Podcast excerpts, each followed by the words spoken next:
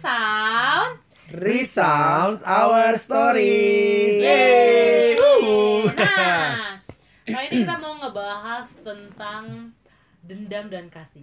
Gila. kirain dendam ke Sumat. Enggak. lah.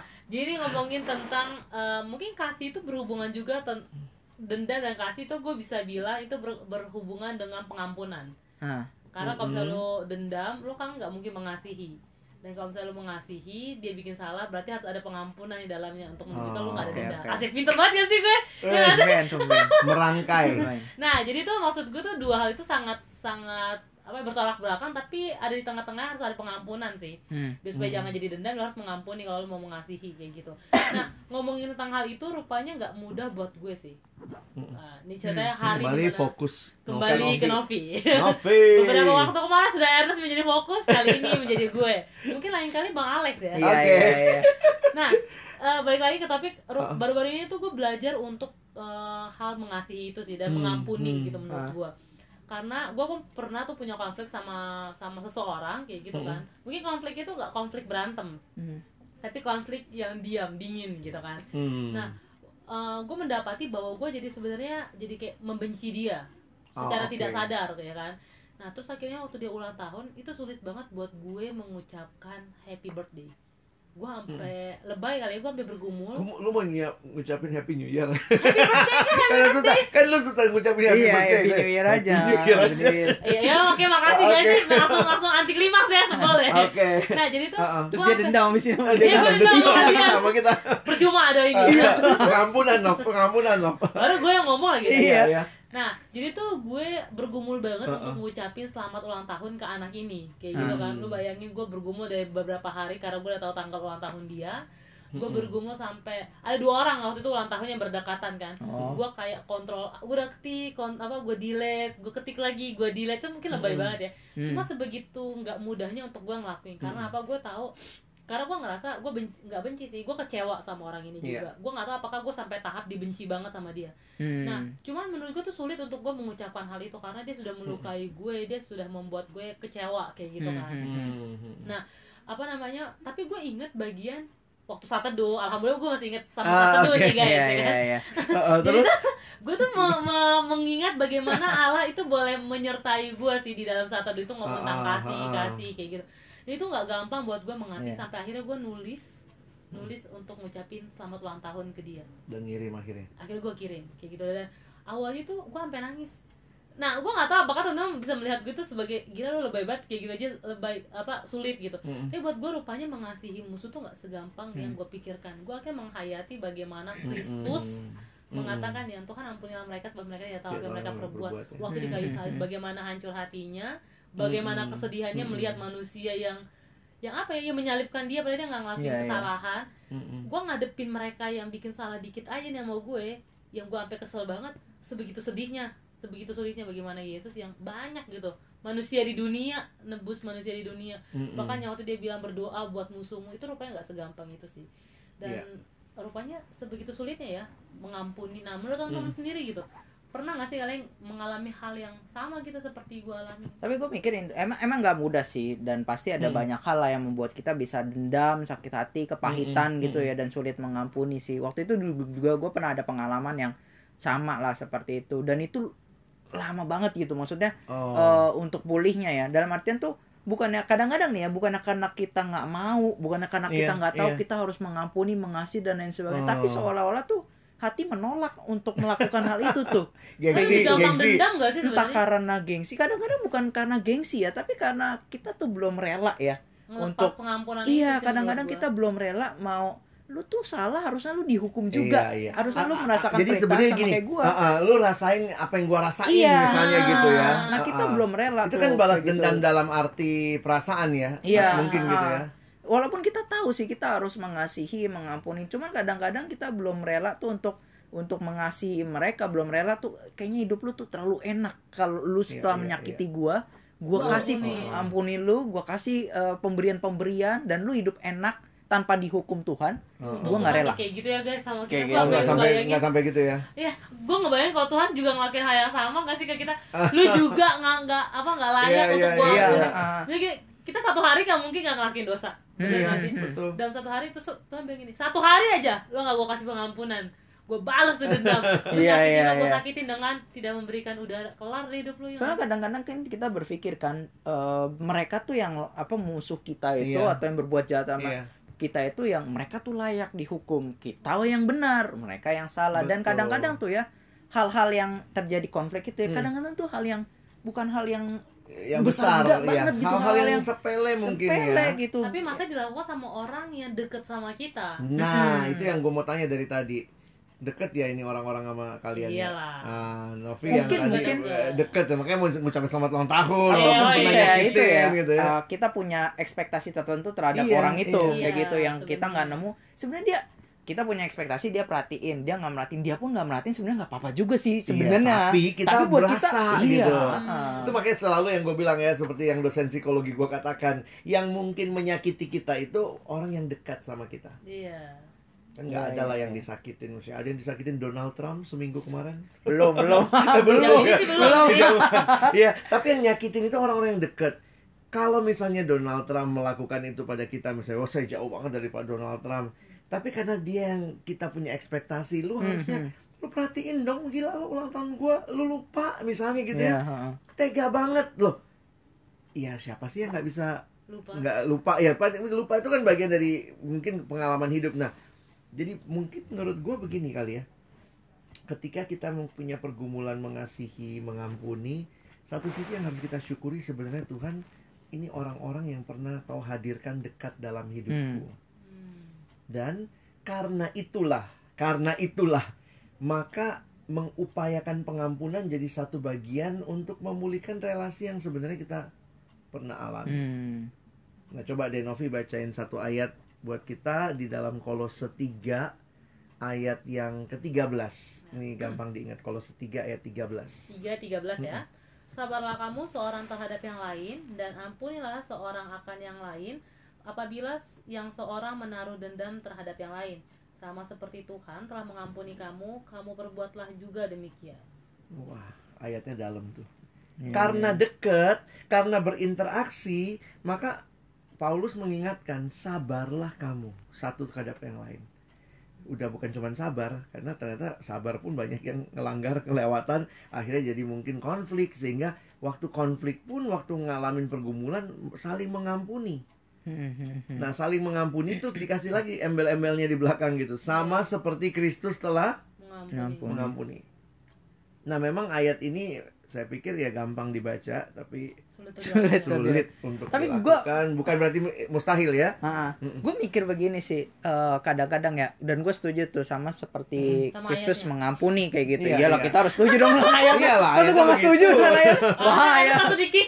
iya nggak keluar nggak muncul lagi gue di fansal gue tapi kadang-kadang suka mikirnya kayak gini eh, itu kan pengalaman yang nggak enak ya eh, tidak mengampuni Mm-mm. kepahitan dendam dan lain sebagainya ya apalagi kepahitan kayak gitu nggak enak. Kita ingin keluarin seolah-olah tuh gue waktu itu yang ngerasainnya ya tuh gue banyak kepahitan dan itu ada di dalam hati gue tuh kadang-kadang gue suka ngebayanginnya gue kalau bisa gue tarik jantung gue gue tarik jantung gue gue pecahin tuh di di tanah karena nggak enak kepahitan Iya, itu iya. kayak Iya, gitu gue. orang itu tuh nggak nggak merasakan merasa. Mm-mm, dia nggak tahu kita dia kenapa dia di rumahnya tidur dengan Iya, santai, kita yang pahit kita nggak yang bisa pahit kayak tidur, gitu. Nah, kesel. tapi gue waktu itu di dalam proses gue ya untuk uh, memulihkan hal itu ya untuk Hmm. merelakan supaya akhirnya uh, ya itu hal kecil ya itu nggak apa-apa lah kayak gitu. Ya tentu bisa gue ngomong sekarang bisa ngomong nggak apa-apa gitu dulu mah Waktu enggak itu, ya.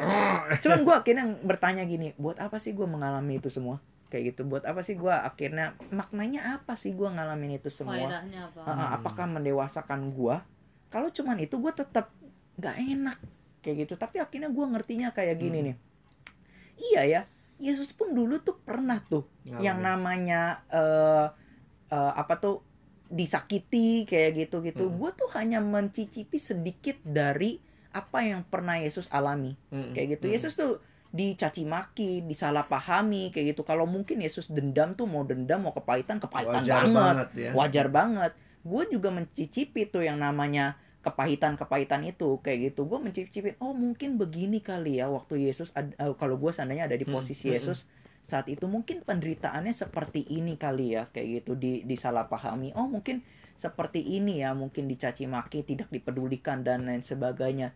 Dan akhirnya gue akhirnya eh, setuju tuh dengan mirip seperti itu. Kalau Yesus bisa mengampuni kenapa gue enggak. Gue punya makna yang jauh lebih besar waktu akhirnya mengalami kesulitan-kesulitan itu Iya, waktu iya. disakiti orang lain. Eh, dan akhirnya gue bisa mengampuni orang itu. Karena maknanya adalah ternyata gue bisa merasakan apa yang Yesus rasakan Iya. tapi akhirnya gue jadi ini gitu. juga sih bang selain ketika gue di posisi bisa mengampuni ya akhirnya kan gue belajar untuk oh ya mengampuni itu sulit kayak gitu gue akhirnya bisa melihat bahwa firman itu bukan kata-kata yang mati Iya. Hmm. Itu Akhirnya firman dari Allah yang hidup ya. Iya, akhirnya gue bisa menghayati bahwa oh iya benar ya firman itu sebenarnya nyata dan hidup. Ketika lo mau belajar bilang ya Tuhan gue mau belajar mengampuni. Iya. Itu kan sulit ya. Itu kan menurut gue sih mustahil ya. Jujur itu gue sampai Iya, iya. nangis waktu gue ngomong kayak gitu. Bukan lu banget lah. Iya iya. ha, Dan itu berat sama Bukan kayak banget. bilang itu sakit banget Iya, dan itu gak iya. gampang, itu gak mudah. Cuma waktu gue bilang Tuhan gue mau belajar mengampuni, itu emang prosesnya gak gampang. Hmm. Tapi ketika gue sekarang ada dan gue belajar untuk mengampuni, waktu gue ngelihat rupanya ya benar Tuhan yang akan memampukan Iya, sih. Kasih karunia Tuhan itu sih yang memampukan menurut gue. Jadi ketika lu mau taat sama apa yang firman itu Firman katakan, katakan. akhirnya lu akan melihat bahwa firman itu beneran hidup bukan cuma sekedar kata-kata. Iya iya. Bisa gak sih kita bayangin ketika kita baca ampunilah musuhmu segala macam waktu kita Kayak lagi biasa ngalamin- aja gitu ya. Iya, biasa Oh, ya aja. udah ngampunin aja. Iya, Tapi ketika lagi apa susahnya, dihadapin, ya. Hadapin, nah. mohon maaf guys, kagak mudah. Nah, akhirnya gue akhirnya berpikir gini ya, kebod ini menurut gue Iya. satu kebodohan ketika kita menjadi orang yang pendendam. Tahu gak sih kenapa? Mm. Waktu gue waktu gue dendam, itu kan gue capek kayak tadi kalian bilang. Hmm. Mm-mm. Gue ngeras, gue ngerasain tapi dia nggak ngerasain. Dia nggak ngerasain dia dia gini ya, Ah, ah. gue dendam nih sama Bang Alex ya. Gue benci banget sama Bang Alex. Gue ngebawa, gue ngeliat muka Bang Alex gue marah. Ngeliat aja udah males. Udah benci, gue inget namanya udah benci. Gue nggak bisa Ah. makan, gue nggak bisa tidur. Iya. Tapi lu bisa bayangin Bang Alex ngapain? Tambah Ya, gendut. biasa aja. Aja. bahagia, Tambah makan, bisa guys. tidur. Dia bahagia. Kita berpikir lo harus ngalamin apa Iya, yang iya, gue iya. alamin. Itu yang kadang-kadang ini. Padahal kita justru jadi menghukum diri kita sendiri, Hmm, iya nggak sih? yes. Nah akhirnya kita terperangkap dengan dosa itu sendiri. Udah kita yang berdosa, kita yang nggak enak. Iya, Bang iya, Alex iya. kagak ngalamin dosa. Dia, dia misalnya udah belajar mengampuni gitu. Oh ya udah gue salah, gue minta maaf. Tapi gue bilang gini, enggak, gue nggak mau maafin Bang Alex. Dia harus ngalamin apa yang, Yang apa gue yang gue alamin. Ah. Bang Alex kayak ya udah gue makan tetap makan, gue bahagia. iya. Iya iya Dan dia iya. biasa aja karena apa? Dia udah ngelepasin pengampunan Iya, dan dia iya. udah minta maaf gitu kan. Dia udah melakukan apa yang menjadi bagian dia. Mm-mm. Tapi bagian gue gue akhirnya kayak apa ya? me- mengurung diri gue sendiri kayak kayak apa ya? Gue kayak membuat dosa itu jadi kayak masuk dalam diri gue lebih dalam ya. Gue kayak menyiksa diri gue sendiri ya Iya, gak sih? iya. Kayak penyiksaannya Dendam itu aja. memang apa me- mengeringkan tulang. Eh, Iya, Namun benar. semangat yang patah itu bodoh tulang. sih makanya gue kadang suka berpikir kenapa ada orang yang mau menjadi orang yang dendam ya itu gue nggak tahu sih gue nggak tahu kenapa mungkin karena yang tadi Artes bilang itu Gak ada yang mau sebenarnya. Iya, sebenarnya kalau dia nggak ngalamin pengampunan dari Tuhan yang tanpa syarat itu, maka dia Susah akan selalu berpikir dia harus membalas dendam, Hmm. dia harus jadi hakim untuk orang lain tuh. tapi mungkin juga mereka berpikir gini ya Mm-mm. Tuhan tuh nggak akan bisa tapi nggak tahu ya ini gue ini gue pemikiran gue ya Hmm. apakah orang-orang yang tidak mau mengampuni adalah orang yang tidak bisa melihat bahwa Tuhan itu adalah hakim yang adil gitu menurut gue Iya, Iya sih? sehingga dia sulit menyerahkan penghakiman itu kepada Tuhan. karena dia ngerasa Tuhan gak akan menghakimi Iya, sidang Alex iya, misalnya Harus gua jadi Ah. kalau gua yang menghakimi baru adil nih. Kalau Iya, Tuhan iya. pasti eh diampunin. Ah, kesel caranya banget Tuhan gitu tuh ya. nggak baik gitu cara gue yang tepat Dan kadang-kadang kita Ah. marahnya jadinya sama Tuhan. Kenapa? Iya. Karena Iya. karena kita pikir "Gi- ini Tuhan kok baik banget sih sama dia Iya, nggak kok nggak- dia nggak apa-apa. Iya, kok nggak apa-apa, malah kenapa lebih guanya yang aman. Padahal Ah. bisa jadi Tuhan bilang kayak gini, ya ngapain lagi gue jadi hakim? Kau udah jadi hakim. Ya Iya, nggak sih? iya. bisa Kamu- jadi kan? Kamu tidak menyerahkan penghakiman itu padaku. Ya makanya Iya, gini ya, kau udah balas dendam, ya udah dong deal dong menurut lo. Ngapain lagi Nah, makanya turun? nih ya, aku aku coba garis bawahi beberapa hal nih. Ini pengalaman waktu ada yang datang nih, Bang, aku sangat kesel, marah sama keluarga. Ada juga tuh ya, Hmm, hmm, dengan dalam keluarga tuh ngalamin tuh susah ngampunin papanya, susah ngampunin mamanya. Memang sih pernah mungkin waktu kecil ngalamin disakitin dan segala macam. Terus waktu itu aku bilang, dia nanya kan gimana ya bang advice-nya? Aku bilang ya coba berdoa. Hmm, hmm, hmm. Loh, kok doa ya? Aku bilang Alkitab bilang gitu kan, kasihilah musuhmu Hmm, dan berdoalah untuk mereka mengenai kamu. Oh, Jadi iya, iya, langkah yang paling aku juga nggak akan bilang datangin, minta maaf, langsung ampuni. Aku bilang ini proses yang panjang. Bisa iya, jadi iya. proses yang panjang. Mulainya dengan apa? Doa. Doa. Sebutkanlah namanya dalam doa, Hmm, hmm. sebutkan curahkan hati isi hati kita di hadapan Tuhan, berikan kepada Tuhan hak untuk mengadili, menghakimi ya.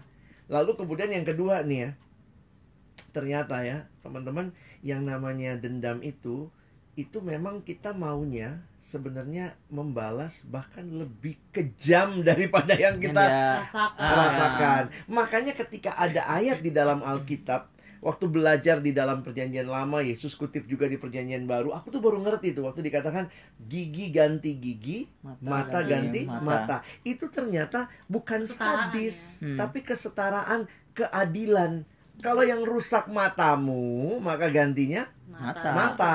Kita kalau rusak mata gua, Nyawa. gua pengen ganti Nyawa. mata lu, mata nyokap lu, mata bo- Oh, iya. bokap lu, kakinya ini. Jadi kita tuh memang pendendam. Iya. kalau nggak mata sama tangan Iya, Iya. jadi lebih banyak lebih pokoknya. banyak. Banyak. Pokoknya maunya lebih banyak.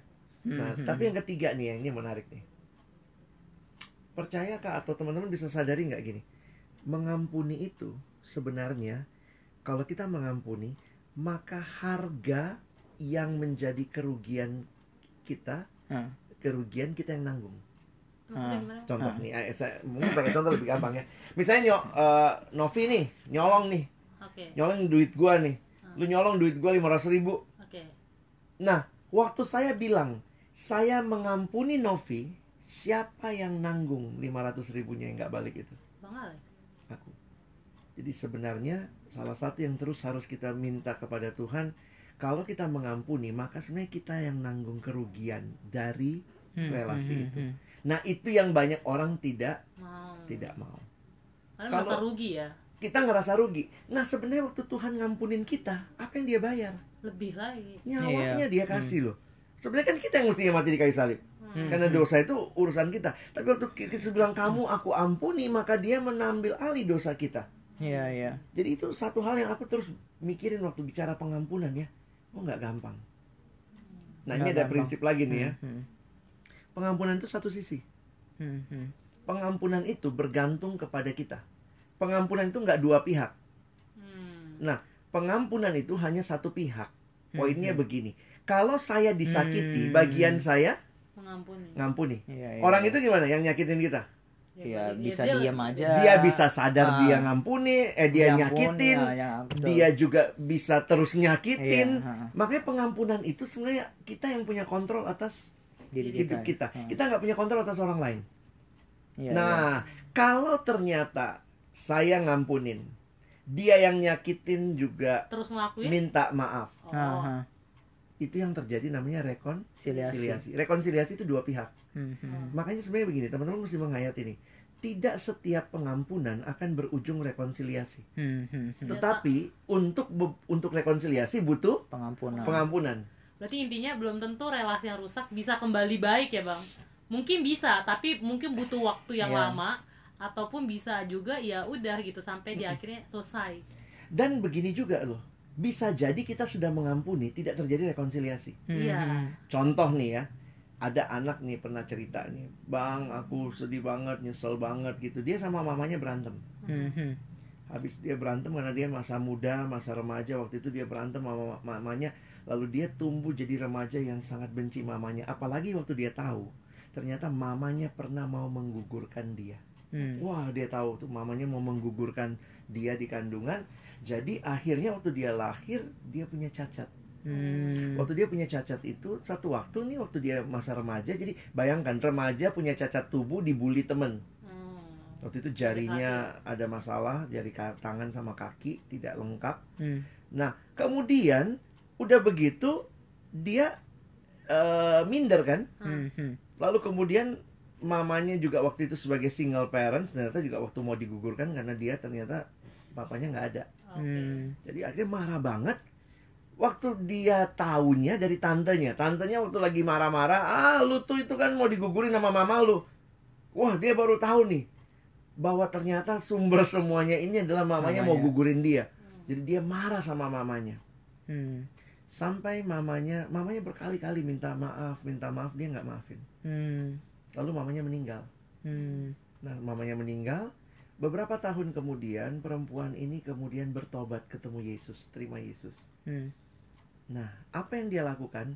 Dia harus belajar mengampuni mamanya yang sudah meninggal. itu sakit banget sih Nah, Hmm. tapi akhirnya dia ngampuni mamanya, tapi tidak mungkin terjadi Rekonsiliasi. Jadi, Iya, iya. sebenarnya makanya di dalam Alkitab pengampunan itu harus itu kata perintah. Kalau teman-teman baca di Alkitab, pengampunan itu kan itu bagian kita. Tidak Hmm. peduli orang itu responnya apa, dia nyakitin kita, dia sadar apa tidak, pokoknya bagian kita, Tuhan saya ngampunin dia, itu perintah. Nah, kalau ternyata dia juga sadar dia minta maaf, terjadi rekonsiliasi. Siasi. Makanya Alkitab bilang kalau pengampunan itu perintah, rekonsiliasi kalimatnya kira-kira begini, kalau sedapat mungkin hal itu bergantung Iya, iya, kepadamu, hiduplah dalam perdamaian dengan semua orang. Tapi ingat, kita nggak sanggup kontrol respon orang lain orang lain. Tapi Iya, mungkin iya. yang paling ditekan bukan ditekan ya tapi aku nggak tahu apakah jangan berharap ketika kita mengampuni keadaan menjadi seperti semula nah itu Iya, harus iya. digarisbawahi karena kan gini Iya. kondisi hati kan kita misalnya gini misalnya gue konflik dengan bang Alex ya kan gue mengampuni Hmm.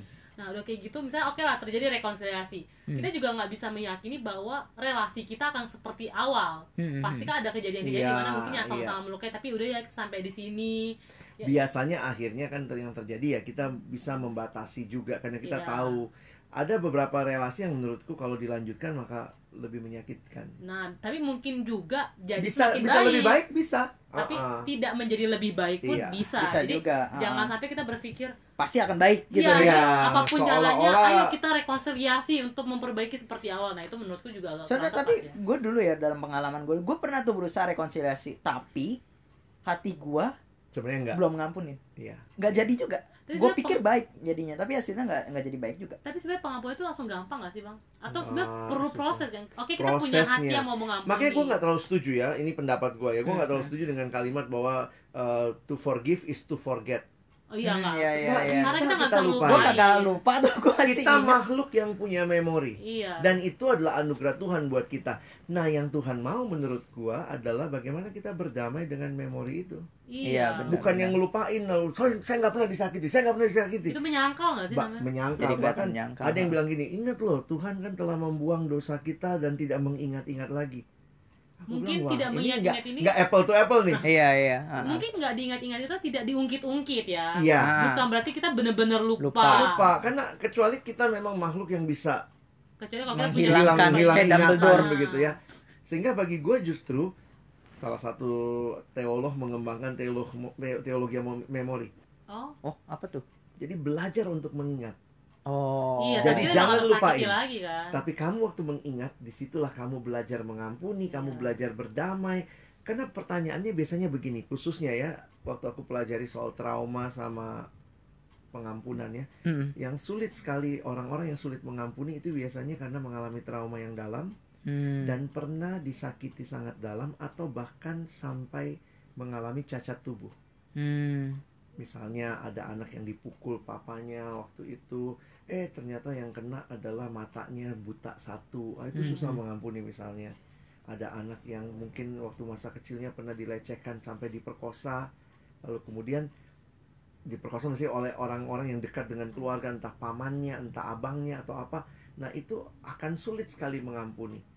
Nah, beberapa orang mengatakan coba lupakan pengalaman itu. Nah, Nggak bisa sih. secara teologi ya, ingatan ini mencoba melihat mari ingat pengalaman itu ingatnya bukan untuk ini tapi ingatnya supaya kamu bisa berdamai bahwa melihat di mana Tuhan dalam masa itu Hmm.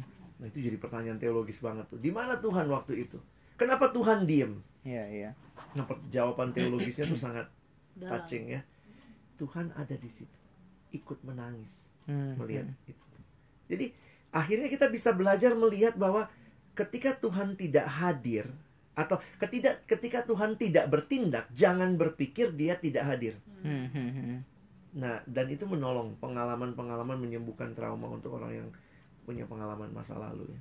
Tapi menurut, menurut gua bentuk pengampunan juga adalah ketika kita mau menerima keadaan itu sih. Iya. Itu Iya, iya. maksudnya jadi bukan ngelupain, tapi kalau ngelu- ngelupain itu kan berarti kita tidak menerima ko- kondisi Tidak dan iya, keadaan. menolak eh, enggak, Menyangkal, enggak, enggak, itu nggak enggak. terjadi. Tapi ketika mengampuni, oh iya, dia mengecewakan dan emang keadaan ini pernah Heeh. ada dan bagaimana aku mau belajar dari keadaan ini sih. Iya. Itu akhirnya membuat kita jadi semakin dewasa. Karena kalau kita menyangkal kita nggak jadi dewasa dan kita jadi nggak bisa ngeliat balik lagi firman itu hidup.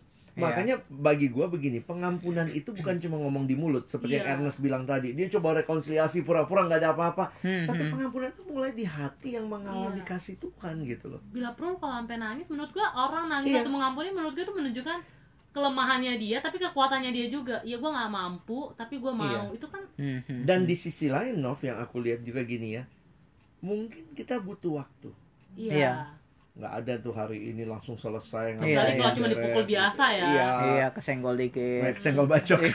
Senggol dikit dendam Nah. gitu orang ya. iya Jadi teman-teman ini ya bagi gue ini sebuah perjuangan seumur hidup. Iya. Kenapa? Kita tuh makhluk yang berelasi. iya Waktu kita berelasi pasti ada waktu-waktu kita ngalamin mungkin bentrok. Hmm. konflik. Maka saya pikir sebenarnya bagi kita orang percaya mari ingatlah belajar sabar, belajar mengasihi, belajar terima nasihat, belajar menasehati. Tapi ketika bentrok pun terjadi, ingat nasihat firman Tuhan tadi. Hmm. Ampunilah seorang akan Ya, yang bahkan lain. berdoa buat musuh itu berdoa juga buat musuh. Kayaknya loh. gampang ya. waktu gue juga ngelakuin itu bahkan berdoa buat mereka itu kayak Hmm. Ini gak adil sih mereka aja Iya, nggak iya. gue kayak jadi adil nggak adil Iya, ya kan karena gitu kan. kita ngerasa Ah. loh, gua, gua Kok jadi gue? mendoain dia Iya. gitu, dianya aja santai aja gitu ya. Betul. tapi akhirnya gue jadi melihat ya iya ya rupanya begini tuh Yesus waktu di kayu salib waktu dia Betul. nangis waktu dia bilang ah, gimana ya maksud gue gue jadi kayak ngebayangin bagaimana Tuhan melihat manusia dulu sebagaimana rapuh hatinya Iya, gitu iya. tapi akhirnya di situ gue jadi belajar sih oh iya ya bahwa karya keselamatan lagi lagi gue ngomongnya karya keselamatan karya selamat tuh gratis tapi nggak murah nggak murah, Iya. nggak karena itu gratisan. begitu sulitnya Tuhan untuk mengampuni karena gue mengampuni orang aja itu sulit Hmm, apalagi. Kristus gitu dia nggak Ya cuma tentu satu. dia dia sanggup ya, Nah, tapi Iya. tapi pasti tidak mudah. banyak kejahatan Ah, yang diterima ke tidak dia. mudah dalam pengertian bahwa penghayatan bahwa orang yang dia kasihi nolak dia, bahkan Mhm. membunuh dia tuh nggak mudah pasti. dan gue suka jadi suka ngomong gini oh mungkin salah satu alasan kenapa Tuhan jadi manusia kali ya gue nggak tahu apakah secara teologi tapi itu menurut gue secara pribadi karena gini waktu gue ngomong gini Tuhan tuh nggak tahu manu waktu jadi Oh. manusia tuh sulit banget ngampunin mungkin Tuhan bisa ngomong gini mohon maaf Gue juga 2000 tahu ya. yang lalu Gua I, juga I, ngerasain I ya. feel it, I Iya. feel you, I feel you gitu ya. gue juga ngerasain apa yang lo rasain dulu gitu bahkan sebelum lo ngerasain sekarang Dikhianatin temen. Bah. Yesus Nah. pernah. bukan cuma No. sekedar temen guys Uh, uh. yang hidup bersama Iya. dia begitu lama ya kan Iya. Dicaci maki pernah. Disalah mengerti keluarga pernah. diagung-agungkan tapi ditusuk Luar dari biasa belakang pernah. Nah itu apa yang dia punya diambil semua Pernah. Tuhan bahkan Yesus disangkal Iya. Jadi apa yang kita rasain sekarang itu belum Mm-mm. seberapa sih menurut gue Makanya kalimat tadi ya jadi menarik Ampunilah seorang akan lain Sama seperti Kristus telah mengampuni kamu Kamu perbuat juga lah demikian Ya. Jadi kiranya ini jadi ini ya Penguatan Renungan, buat iya, teman-teman penguatan. Kalau sedang bergumul dengan pengampunan Belajar mengampuni. Belajar mengampuni Nggak mudah memang, mudah. tapi Tapi bisa, bisa. lah. bisa ya mulai bisa, dengan yuk. doa mulai dengan doa ya sebutkan kalau masih marah sebutkan sama Tuhan. Tuhan gue kesel ya aja. sebut aja terus gue belajar tuh mencurahkan isi hati di hadapan Tuhan di situ juga Tuhan memberikan kelegaan pelan-pelan gitu ya Iya, iya, iya. ya kita nikmati prosesnya prosesnya ya Oke teman-teman, biarnya ini boleh jadi berkat buat kita semua. Jangan lupa follow kita di IG. IG-nya apa, Nas? Di friendsound.id. Ya, terus juga lihat Spotify kita. Kita tunggu ya pertanyaan-pertanyaan yang juga mungkin akan menyuarakan kisah-kisah teman-teman. Nah, Iya. Ya. betul. Oke, sampai ketemu teman-teman. Bye. Bye.